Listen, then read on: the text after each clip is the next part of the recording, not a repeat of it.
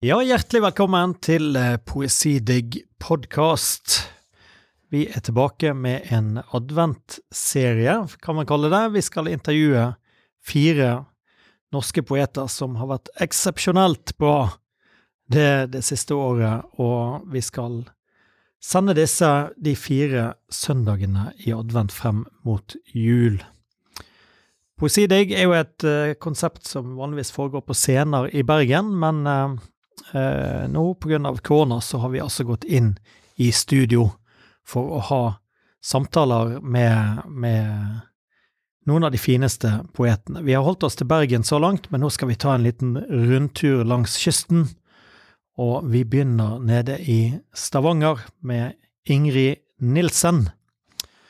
Hun bor og arbeider på universitetet der nede. Hun bor ikke på universitetet, men hun arbeider der som professor i kultur- og språkvitenskap. Men vi kjenner jo henne godt her i byen fra og har vært på litteraturvitenskap på høyden i mange år. Hun brakdebuterte i 2016 med samlingen Hemmelig, men aldri som en tyv, som fikk virkelig en kolossal mottagelse fra et bredt kritikerkorps. Og så, i år, fire år etterpå, kommer den andre Jakobstigen, som også har fått panagyriske anmeldelser, senest av kollega Gunnar Wærnes i Vårt Land, i en svært fin og anbefalt lesning. Det som går igjen i omtale, er det fortettede, men samtidig lekne, nysgjerrige blikket, viljen til lett og leken til å bore seg inn i kjernen av tingene, og hun er heller ikke redd for å nærme seg religiøse motiver på veien.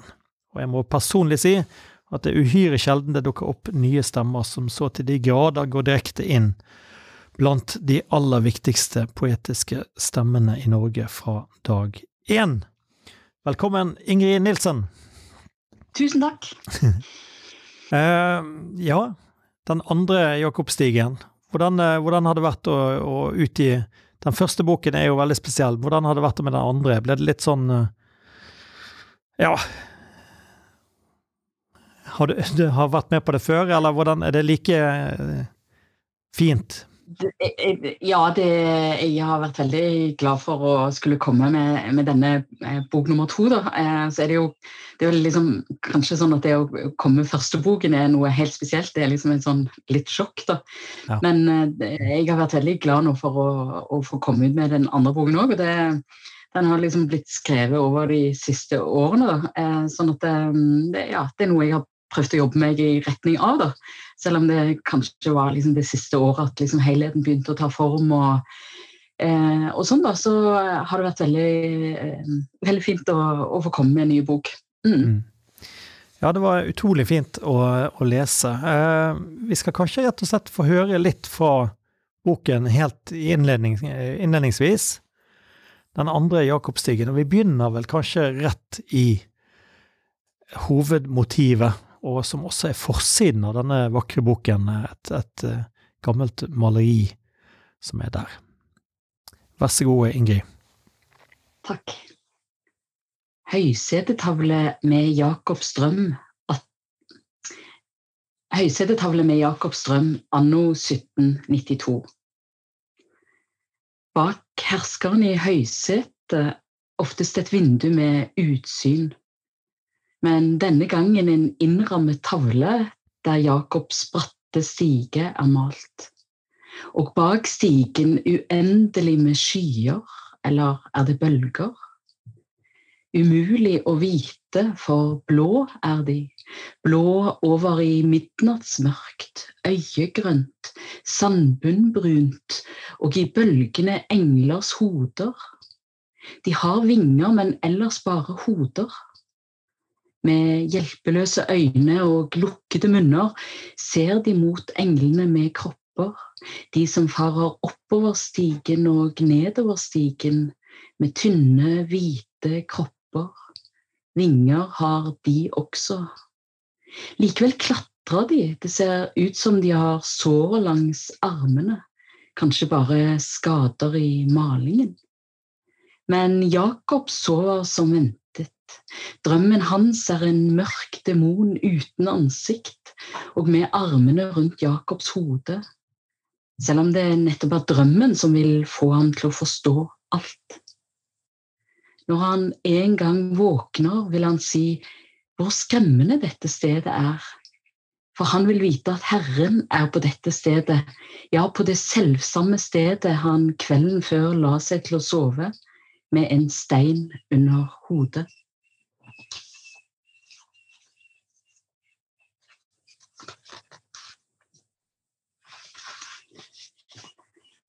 Bryllup. Drømmevarsel. Jeg skulle begynne i analyse i Roma, men møtte i stedet deg i en trapp. Du virket annerledes i hvit skjorte, men det var fordi du visste at vi ville møtes, at du var kledd som min brudgom i Roma. Du forsto meg med en gang. Du åpnet for meg. Jeg så deg tydelig gjennom sprekken i drømmen. At du var i meg. At du ville forsvinne i meg. Mens du holdt hodet mitt helt ømt.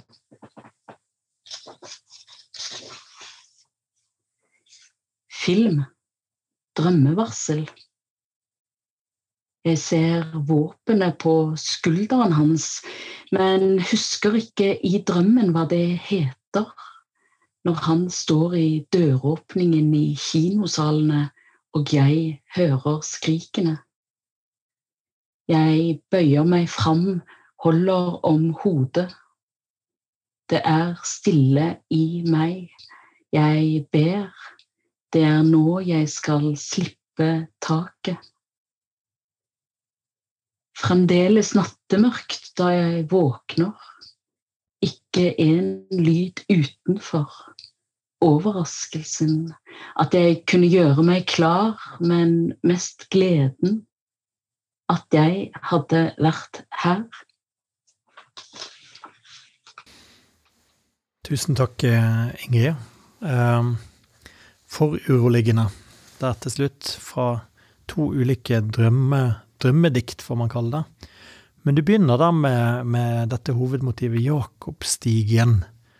Og da må jeg spørre deg, Jakobstigen, hva er det for en, en stige? Jo, det er ikke hva stige som helst. Det refererer til en av fortellingene i Det gamle testamentet. Eh, hvor Jakob han er bror til Esau. Esau er storebroren, og Jakob han er en liten luring, for han lurer til seg farens eh, velsignelse, som som eldstesønnen Esau skulle ha hatt. Og Derfor blir han òg lagt for hat av broren, så han må rømme. Han blir fordrevet, rett og slett. Og han kommer ut i en steinete ørken til et gudsforlatt plass. Eh, og det blir natt, og han må legge seg til å sove. Og han legger seg til å sove med en, en, stein under hodet. Da.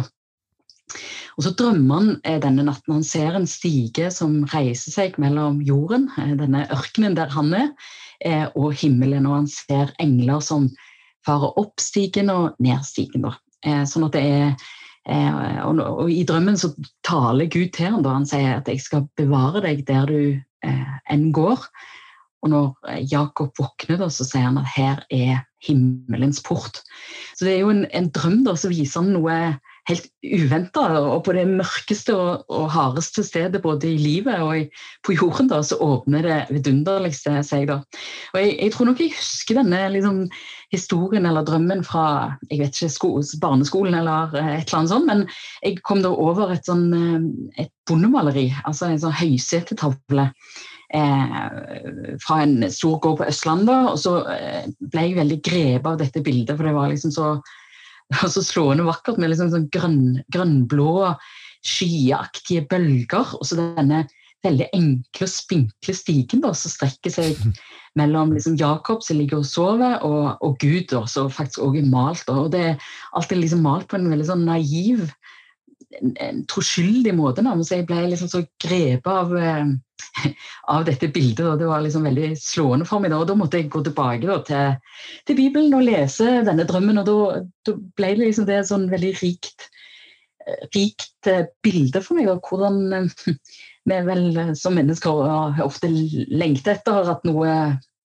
noe vidunderlig plutselig kan åpne seg, eller vi frykter det kanskje til vi òg, da.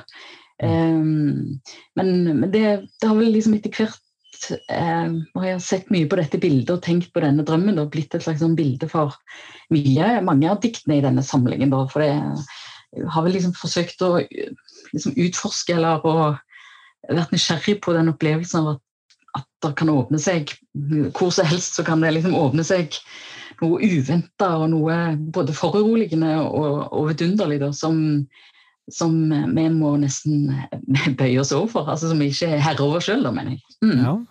Sprekker i veggene rundt oss, som du skriver et sted. Det, det er nesten mm. som at det fins et slør mellom oss og en helt en verden som ligger veldig tett på, men som allikevel er helt mm. ikke er der. Ja.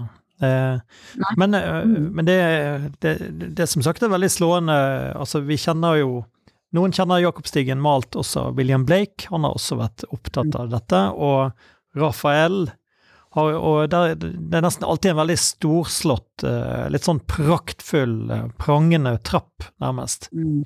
Men eh, det Det er virkelig Til og med Gud i dette bildet du har på forsiden her Til og med Gud er ikke spesielt prangende. Han er, ser ut som en helt vanlig, vanlig fyr i litt sånn vanlige klær som sitter og, og i godstolen. Det, det, på toppen av stigen, ja. På toppen av en mm. veldig, veldig smal stige. Så det, det ja, det er slående, slående Er det noe du har sett uh, sjøl, dette? Altså, så du det Var du inne i, uh, i denne kirken, eller nei, var det Nei, dessverre. Det er altså et bilde jeg har uh, Det er Folkemuseet som har et sånt digitalt arkiv, så det er ikke et bilde som er utstilt noe sted. Og det er da henta fra en sånn uh, Eh, eh, fra en, en, gård, da. Eh, men jeg er nå på museet, men i, i arkiv, da, så jeg har altså ikke, ikke fått sett det på andre måter. Mm. Uh, denne, denne Altså det, det, er flere anmeldere også som har påpekt det at, at det finnes mange Jakobstiger i samlingen. Altså at, at, at det, det, går igjen. Det er noen som har tatt Du har en et dikt fra et eh, kjøpesenter eh, i, i, Manchester. Du har en oppgang til et hospital. Uh, det, det, er liksom oppganger og nedganger her, da. Mm. Dette, dette få dette hovedmotivet, som det virker som er litt sånn styrende, eller iallfall pekende gjennom samlingen, var det noe som kom tidlig i arbeidet med denne boken, eller er det, er det sånn at, at da begynner du med det? Altså, Noen forfattere de har, en, har liksom en idé først, og så skriver de den, eller hvordan har den prosessen vært?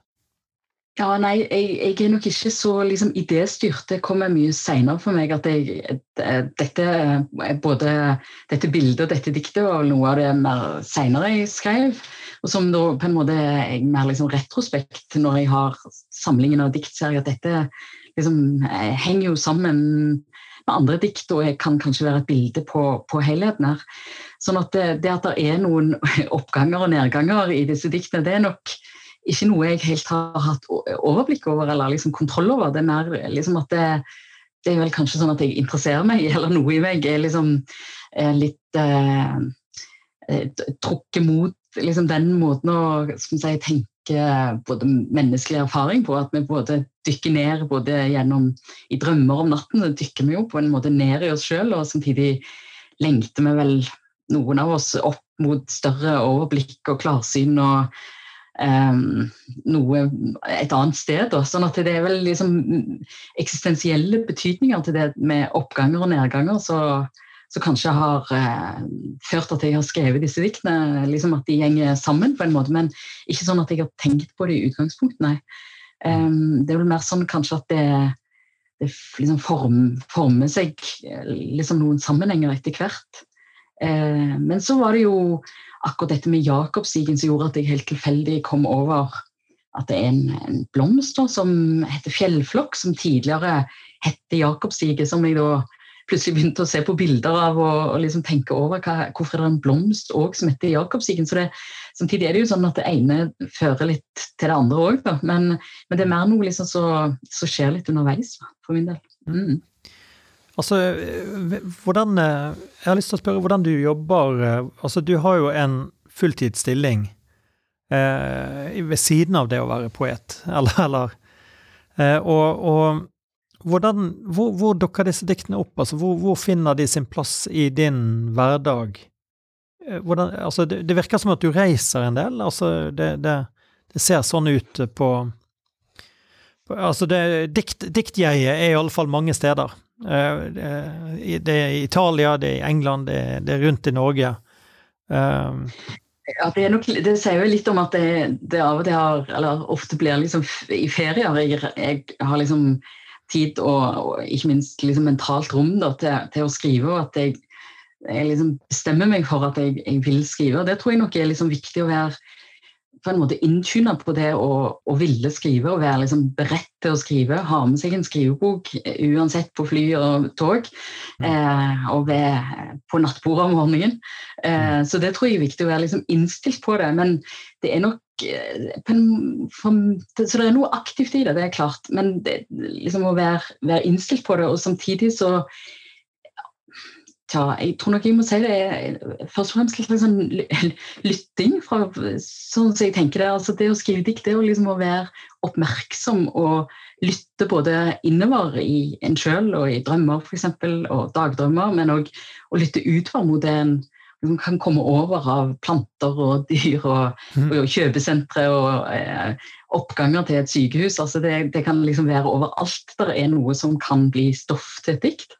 Mm. Eh, sånn som jeg opplever det. Og da, det er nok òg en slags sånn den, Jeg sa noe om at det er en sånn praktisk innstilthet å ville bruke, med, bruke, tid på det og ha med seg liksom, det en trenger for å skrive. Men det er nok òg å liksom, være mentalt innstilt på å være oppmerksom og å bli berørt av noen, enten ja, en, en, ser eller eh, hører, eller eh, hvor det enn måtte være. Da.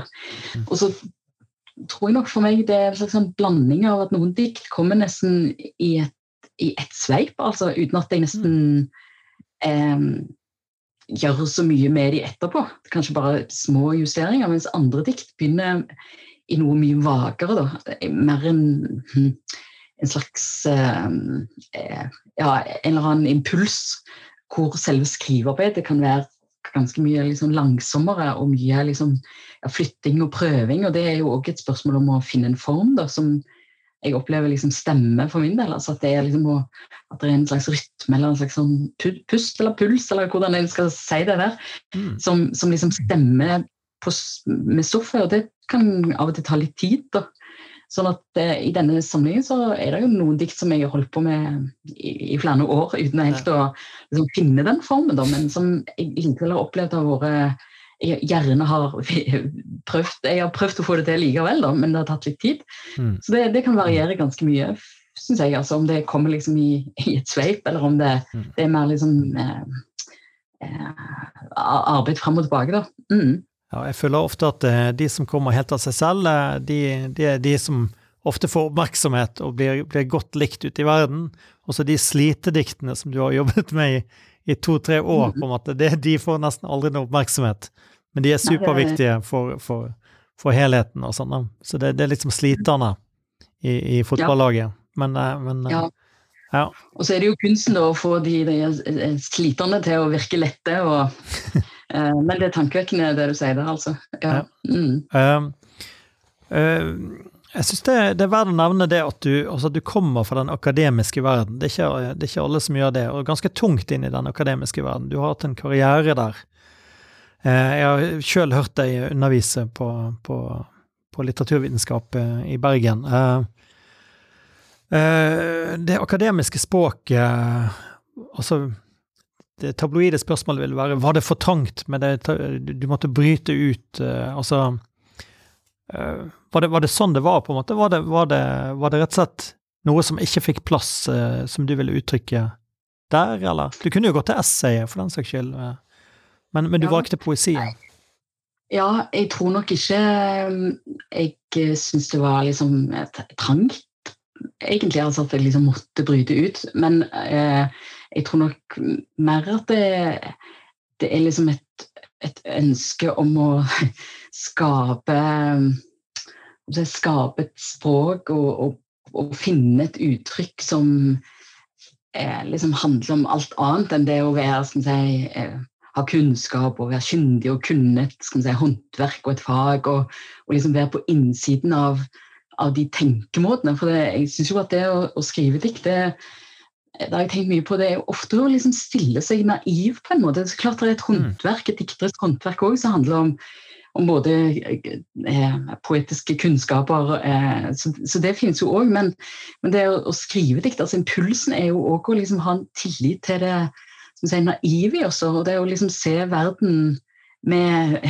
med begynnersinnet, for å snakke mm. med en kjent tittel, og liksom stille seg som sier, liksom Sette litt parentes rundt det vi kan, og det vi tror om verden, og de perspektivene mm. som virker opplagte, òg innenfor et fag. Det er jo òg en, en, verden hvor vi på en måte er, sitter innenfor liksom, kunnskapen vår, men det å liksom ville stille seg litt sånn utenfor det, da, og eh, det, det syns jeg har vært viktig eller det ble viktig for meg. da, Det ønsket jeg å liksom Eller ble på et tidspunkt i livet veldig sånn litt um, eksistensielt viktig for meg å liksom prøve ut det, selv om det Jeg hadde ikke så mye forventninger om å, å få det til, men altså at det, at det, det var liksom no, en slags sånn annen side i meg, hvis jeg kan si det sånn. og jeg, mm. jeg jobber jo faglig ennå og har stor glede av det og tror, tror, jo på faget mitt. Så det er ikke det at jeg liksom har sagt farvel til det, men liksom, det er noe, noe annet òg som, som eh, en annen form for si, kunnskap om verden som er mer sansenær og ekspressiv. Da, som, eh, som, jeg syns ja, poesien gir rom for. Da. Eh, det er selvfølgelig det mer sånn utprøvende og lekne òg. En leker jo i et fag òg, men, men, her leker en enda mer. Og det er, det er mye, mye, glede i å, å gjøre det. Mm. Jeg, jeg vil iallfall si når jeg leser dine samlinger, så er det det som preger de mest, eh, syns jeg er nettopp en sånn nysgjerrighet, eller en, en frempåhet. da. Altså, hvis jeg underviser i, i dikt, eh, diktskriving, så, så, snakker jeg hele tiden om å være du må være fremoverlent, og, og ikke bakoverlent. på en måte. Og det, og det syns jeg det, dine dikt er et eksempel på, eller pakteksempel på nettopp det å, å jage videre på en, på en leken måte. Det, det, er ikke, det, er ikke, lett, det du gjør. Eh, jeg når det gjelder Altså, det, det, det, går ikke an å Det er kanskje vanskelig å snakke om, men det går heller ikke an å gå inn på dette, dette denne Det vi kan kalle en religiøsitet, eller en religiøs søken, kanskje, eller, eller kanskje en religiøs flørt, nærmest, eller lekenhet i diktene. Uh, altså en eller annen slags vilje til hengivelse, eller håp om hengivelse, syns jeg, som fins her. Uh, eh, jeg tenker det er kanskje jeg, greier ikke la være å tenke at det må være noe personlig hos deg, eller eh, altså at det er erfaringer du og diktjeget deler. Eh, vil du fortelle litt altså, Er dette helt forbundet for deg med, med diktskrivingen? Altså, er, er det ja, jeg tror nok du har helt jeg opplever det sånn som så du, du, sier, da, at det, det, liksom de religiøse motivene er knytta til en slags sånn hengivelse og det å det å være liksom lengt, En slags sånn lengsel, da, tror jeg, etter liksom et eller annet utenfor vår verden. Enten det, er både, tenker, det, er jo både kjærlighet og natur og religion er jo på mange måter liksom, gjør oss lengtende da, etter noe liksom, utenfor det menneskelige. Eh, og det der er jo en del religiøse motiver både i, både i forrige bok og i denne. og det når denne boken var ferdig, så, og jeg leste helheten, så ble jeg egentlig litt, nesten litt overraska over det. For det, det, var liksom ikke noe liksom, prosjekt fra min side, og jeg har iallfall ikke villet skrive liksom, religiøse dikt eller liksom, kristne dikt som gir liksom, uttrykk for kristen tro, eller som liksom, misjonerer for kristendom. Da. Det er ikke så eh, interessant for meg. Um, mm. Men eh, det er vel mer liksom en slags eh, For meg har det vel vært sånn at jeg har eh, blitt veldig grepet i, i liksom noen ja, jeg for, jeg for eksempel, Når jeg har sett en inskripsjon på en liten middelalderkirke på en, av stein på en øy i Ryfylke som heter Talje. Mm. Eh, der har presten rissa inn på en stein eh, i kirken da, be for meg. Altså det, eh, da er det jo som en sånn veldig Eh, det er en slags rå fortvilelse, en eksistensiell desperasjon, sånn som jeg lever meg inn i det, som liksom, taler rett til meg så å si, gjennom århundrene. Liksom, nesten sånn svimlende, nesten som den inskripsjonen taler til meg, henvender seg liksom direkte til meg her og nå. Som om liksom, tiden opphører i et lite Ja. sekund. Og det er vel liksom, kanskje sånn det er for meg, at det er liksom noe som plutselig fanger meg. Mm. Eh, ikke fordi jeg har liksom vært så opp, liksom innstilt på å skrive noe religiøst, i, eh, på en måte ikke i det hele tatt, men at det er liksom det som har meldt seg for meg, altså blant annet, Ja. og som gjør at det, det må jeg nesten prøve å skrive om. Altså det er liksom sånne øyeblikk som det som liksom ikke forlater meg etterpå. altså Som jeg liksom bare ligger der og liksom eh, Hvem var han, og, og hvorfor skrev han det, og hva situ, eh, situasjon var han i, og, og på en måte som gjør at han kan henvende seg til meg over mange århundrer. Eh, og så tror jeg nok at eh, det er liksom den menneskelige si, lengselen, da, menneskelige håpet, og, og i det òg menneskelige fortvilelsen, det kommer jo ofte liksom veldig jeg, tydelig fram da, i, i folkekunst og i folkemusikk. Eh, som, så det, det, er nok for meg det religiøse også nært knytta til den type liksom, folkelig kunst da, som, som kan være både liksom, jublende og melankolsk på samme tid. Hvis en hører kveing, så er det jo liksom En kan nesten ikke skille mellom jubel og, og, og sorg på en måte. Det, det, har, liksom, det griper meg veldig. og, og um, så, så det er nok liksom så, så enkelt som det, at eh, da blir det liksom også med meg inn i, inn i skrivingen, da, selv om jeg ikke helt har som jeg har eh, alltid helt overblikk over at det er sånn. da. Mm. Jeg tror nok ikke man trenger å være religiøs for å oppleve nettopp den type grenseerfaringer, eller den følelsen av noe større, eller, eller, eller sånn. Jeg, jeg er ikke spesielt religiøs, men, men jeg fikk jo mye ut av, av de, de motivene du bruker der og sånn, men, men kanskje mest ut av denne følelsen av noe større, noe annet, altså en dobling som du jobber mye med. Eh, Jakobstigen eh, kanskje bekrefter for Jakob at det er, det er noe annet, det er noe større. Eh, det det, det fins en annen side, altså det hinsidige, som er, som er et begrep vi har. Og, og, og den tror jeg det er mange som, som går rundt med, da. Jeg tror ikke det er en uvanlig følelse. Kanskje vi kan, kan høre litt en ny bolk med dikt på dette tidspunktet. Ja.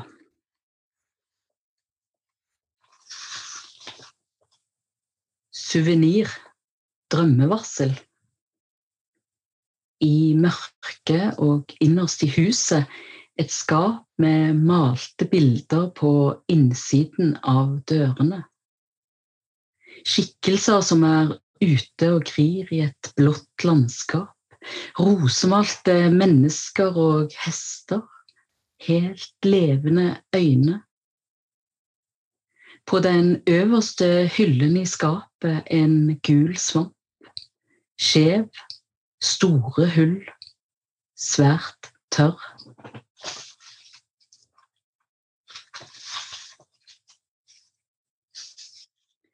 Palmelengsel, Nærbø gamle kyrkje. Fløyene i alterskapet bryr seg ikke om de 400 årene som har gått siden det ble malt. Stjernene av gull har svarte kanter ytterst, av sot fra lysene som brant her. Innenfor stjernene felt med palmeblader, malt av noen som aldri så palmeblader, men som må ha lengtet etter å se. Øverst på alterskapet et tak i miniatyr, lik en pil som skyter rett opp.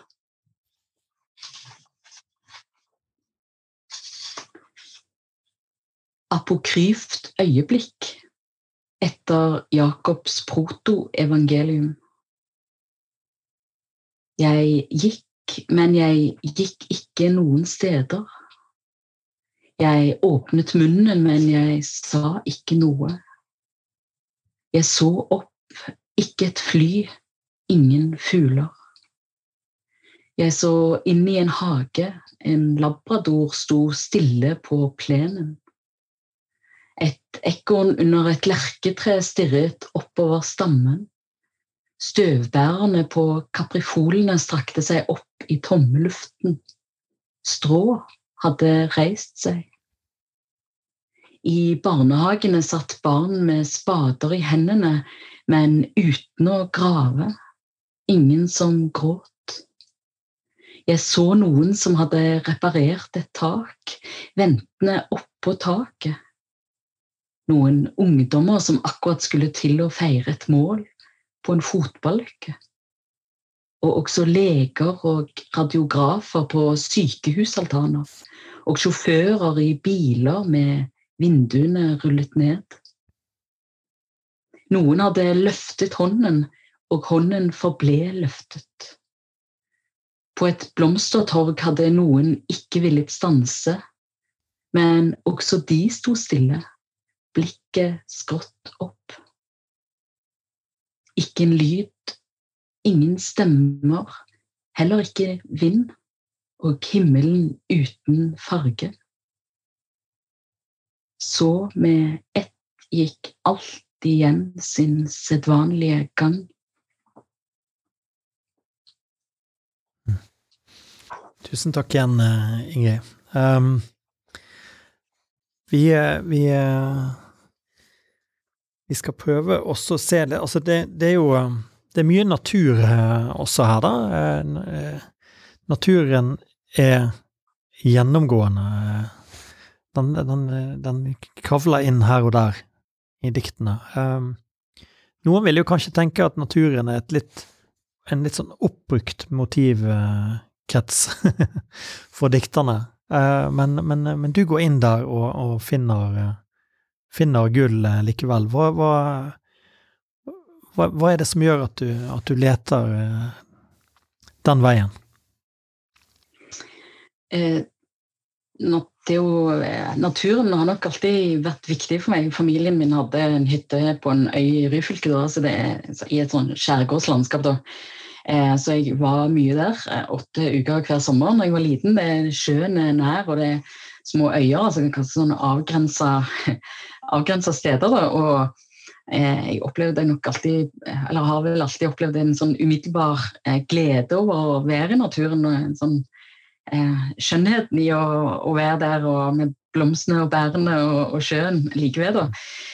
men det er nok òg sånn at naturen har eh, vært et slags sånn frirom. Da. altså Følelse av å være langt borte fra verden. Da. Og der, da, i en sånn følelse av å være langt vekke, så kan en jo eh, se eh, alt det som er synlig da, eh, i naturen. Alt som vokser og bryter fram. Altså det er liksom eruptive i naturen som strømmer fram. Hvis en er på en sånn øy som det er i, i april, mai, juni, så liksom, nesten så det fosser fram med vekst. da. Mm. Um, og da jo, har jo ikke spørsmålet vært så langt vekke etter hvert som jeg, jeg, ble litt eldre. Da. Hva er det som driver denne naturen? Hva er det som får naturen til å, å bryte fram igjen? Altså opplevelsen av at det, det er noe, noe, større, en slags sånn kraft som, som, som, driver dette. Da, som vi virkelig ikke helt kan forstå. Med vitenskapen som forstår mye i naturen og forklarer mye, men akkurat å, å få vite akkurat hva er det som liksom, dytter dette i gang, som er kraften, det, det er jo en liksom, menneskelig gåte i, i, alle kulturer da, og, og i, i, mitt liv. da. Um, så, så, det, så, det, har nok vært liksom tilhørighet til et visst type liksom landskap som jeg har drømt mye om om natten, lengta etter om dagen, og, og som har liksom vært, vært et, et, fritt, et, fritt, og liksom voksende rom. da. Um, og etter hvert, nå er jeg ingen eh, naturkjenner, så det skal jeg ikke uh, skryte på meg, men det er jo også sånn at liksom, i tradisjon, i, gjennom navnene vi vi har, tar i bruk for å, å, betegne naturen, så er det jo òg måter å se naturen på som, som er gamle og, og, førmoderne, og som setter oss på sporet av sammenhenger som andre mennesker tenker jeg har, har, sett eller lagt merke til, og som liksom har overlevd den moderne rasjonaliteten. Bare tenk på navn som liksom, revebjelle. Det er jo mm. et fantastisk, fantastisk navn på en blomst som eh, som kanskje ser litt ut som den har noen bjeller, men revebjelle det er veldig sånn underlig gåtefullt. Så det å, å, å, lære seg de navnene, tepperot, Mm. Eh, Kaprifol det, det, er nesten sånne ord og bøk og eik, trenavn òg. De er jo veldig poetiske, da. Eh, og, og, liksom eh, inviterer til undring, da. Jeg må, jeg må, bare si at jeg en gang havnet i krangel med en, eh, med en kjæreste om Fordi hun visste veldig mye om naturen og hva ting het. Uh, mens jeg sa nei, nei, nei, jeg vil ikke vite noe som helst, jeg vil ikke vite hva trærne heter. jeg vil ikke, nei, nei, nei, nei.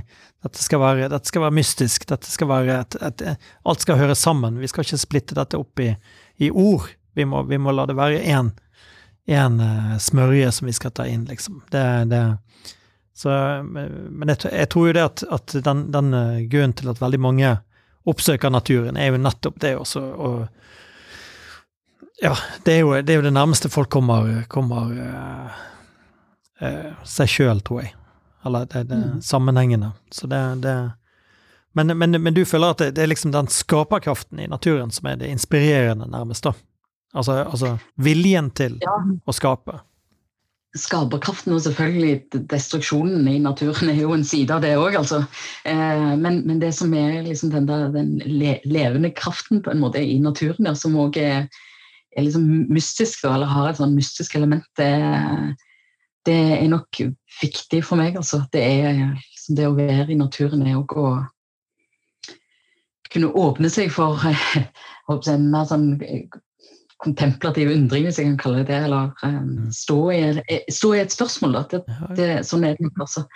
Så um, så jeg tenker All kunnskapen om naturen tror jeg også er viktig, men jeg, skjønner jo den impulsen du hadde da, i å liksom bare ville ta naturen inn. da, ikke, liksom, mm. At ikke kunnskapen skal stå i veien for en slags sånn sansning av naturen. da. Mm. Uh, jeg lurer på, er det, er det, folk du kan lese, eller, eller, kan du også finne denne type undring, eller denne type følelse som, som fins i diktene dine? Denne, denne, følelsen av å være tett på noe eh, parallelt, eller en dobling. Kan du også få det gjennom lesninger? Altså er det folk Er det, er det forfattere du kan lese og, og, nærme deg den type ting? Ja, jeg, jeg syns at det Det, det syns jeg er, er veldig Jeg har ikke tenkt på det egentlig før du spør, men jeg, når du spør, så er det jo veldig opplagt for meg at det, at det er jo veldig framme. Jeg tenker hos Gunnar Hofmo og um, Tone Hødnebø, eh, Pål Sæland, Rilke ikke minst, mm. så er jo nettopp den der liksom, eh, Som du sa for litt siden, den der følelsen av å være tett på et eller annet, og at det er et slør mm. som en ikke helt kan liksom, trenge gjennom, men som liksom, vi, vi, forsøker å se gjennom, eller vi vi tror vi ser gjennom av og til glimt, men, mm. eh, men en, en, disse dikterne jeg nevnte, de fortsetter jo å skrive dikt. De holder jo ikke opp, så det, det er jo liksom en pågående og livslang søking, da, men at det er en slags sånn trang til, til en liksom større erkjennelse, og hos diktere som ikke hadde noe metafysisk ståsted eller religiøst syn, så er liksom likevel denne her sånn søkingen bak, ja. Det, det syns jeg jeg fornemmer veldig tydelig hos diktere som er, er viktige for meg. Mm. Mm. En annen ting som inspirerer deg helt åpenbart, det er jo, det er jo drømmeverden. Uh, det er jo, det, den er jo helt innlysende, et, et fascinerende sted, men det er, folk uh, bruker den eller forholder seg til den på veldig ulikt vis. da. Uh, men du går, du går, aktivt inn og, og, henter ut ting. Du, hadde, du leste tidligere i, i denne sendingen et fryktelig eh, skummelt eh, dikt, rett og slett, med, med en, en, en, mann som kommer inn med et våpen i en kinosal, og, og, du opplever en øyeblikk der du skal dø, egentlig. Du vet du skal dø, og, og finner en eller annen slags eh, ro i det. da. Jeg var her i alle fall, eller altså, det, det, det, det, var en det, det, det, er veldig sterkt. Uh, er dette ting du, du faktisk drømmer, eller, eller er, det, er, det, ting du finner på? Altså, det... Nei, jeg kan jeg, kan, jeg verken ha hadde vilt eller, eller kunnet finne på drømmer. Altså. Men jeg, noen gjør kanskje det, og det går sikkert fint, men jeg har ikke kommet på å gjøre det. Jeg tror ikke jeg hadde fått det til heller. Og det er jo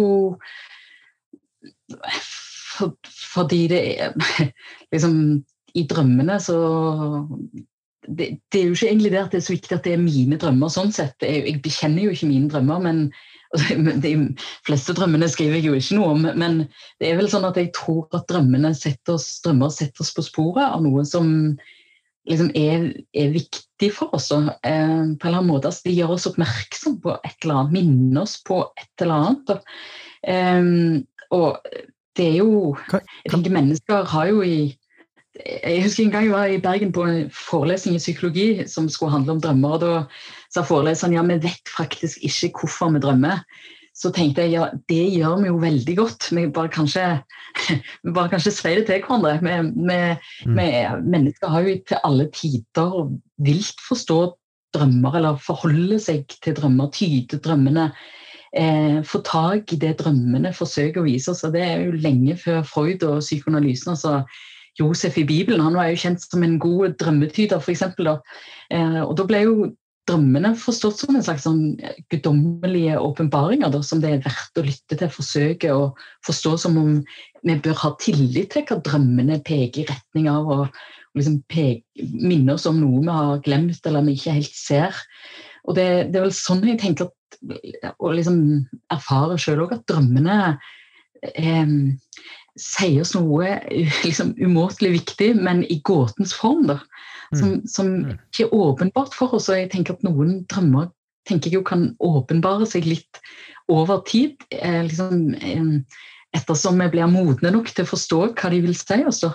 Mm. Eh, så det er vel på, på, den måten at jeg har vil ta med meg liksom, drømmene inn i, i diktene. Så tenker jeg òg at det, vi drømmer jo alle sammen. Um, og det, vi er jo på den måten alle liksom, diktere da, som, som, skaper bilder om natten da, som vi ikke har kontroll over, og som vi ikke har planer om, men som liksom vi skaper, eller som oppstår i oss. Det, så det er jo veldig sånn håpefullt.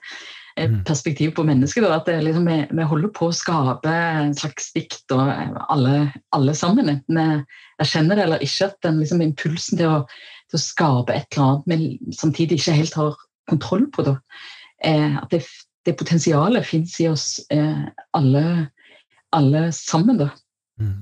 Eh, og så tror, tenker jeg òg at i, i, drømmen så er vi jo ofte naive. da. Vi er liksom ubeskytta. Ja. Mm.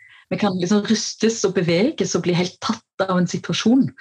Eh, liksom det, vi, vi, ikke vi, pleier vel ikke å være så liksom, kyniske og kalkulerte i drømmer. Vi er liksom mm. helt, helt nakne. Og det, jeg, jeg, tror jo Jeg har jo tillit til de erkjennelsene vi kan ja, åpne oss mot på, det, på, den måten. Da. Mm. mm. Et, en, en, oppfordring der altså fra Ingrid Nielsen til å, å ta drømmene alvorlig, da. Og, og, og lytte til dem i større grad. Det, jeg hadde forresten drømme, drømmetydning som valgfag på, på folkehøyskolen, så det er jeg, jeg, føler, jeg føler det, det, det, er noe, det er noe jeg har tatt med sjøl. Ja, det skulle jeg gjerne hatt som fag en plass, så mm. uh, Vi begynner å, å gå Opptaket begynner å gå mot slutten, rett og slett. Vi, vi, vi, uh, men jeg har lyst til at vi skal avslutte med Eh, opplesning igjen. Eh, eh, vi Jeg kan Ja. Jeg har fryktelig lyst til å høre det om, om det ekorndiktet. Jeg har fått et favorittdikt der som, som, som jeg har tenkt på hele uken, som jeg gjerne har, har oppfordret deg om å lese. Så jeg håper at det kommer, og, og, og så kan vi, vi kan si ha det til hverandre etter vi har hørt diktene. Vær så god. Takk ikke ekorn.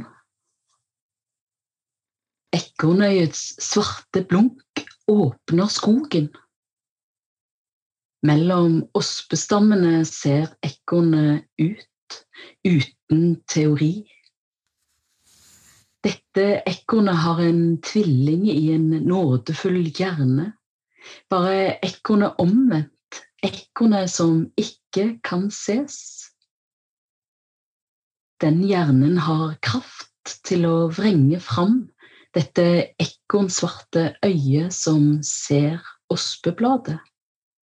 Uknuselig diamantkraft.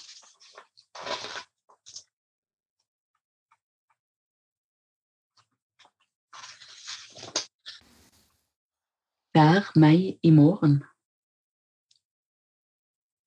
Husk treet i trappen for meg, og kjenn hjertet som nok slo da jeg så på årringene i det treet.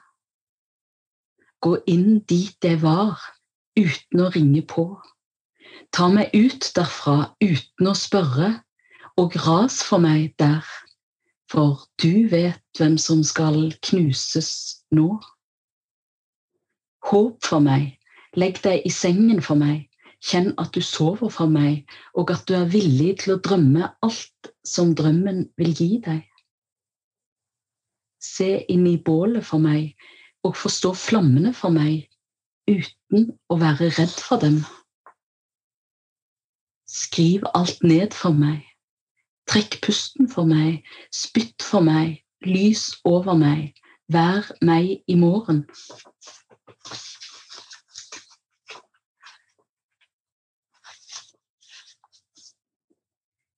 Nå sevjesøtt og hasselnøtt, bringebær, ærfuglfjær, reveskinn, bjørkevind glitrer av svaberglav, himmeltur, søljebrur. Spirlauv, drypplauv, hjertesølje, sirkelsølje, ansiktssølje, bringesølje, rosesølje, bolesølje, slirekniv og evig liv. Tusen takk, Ingrid Nilsen. Det har vært en fornøyelse å snakke med deg. Jeg skulle ønske vi, vi kunne gå og ta en øl nå, men du er i Stavanger. Uh, vi har uh, hørt Ingrid Nilsen her i Poesidigg podkast, og vi skal uh, vi skal takke Norsk kulturråd og Bergen kommune for støtten, og så skal vi ha en kjempegod dag videre, alle sammen. Takk.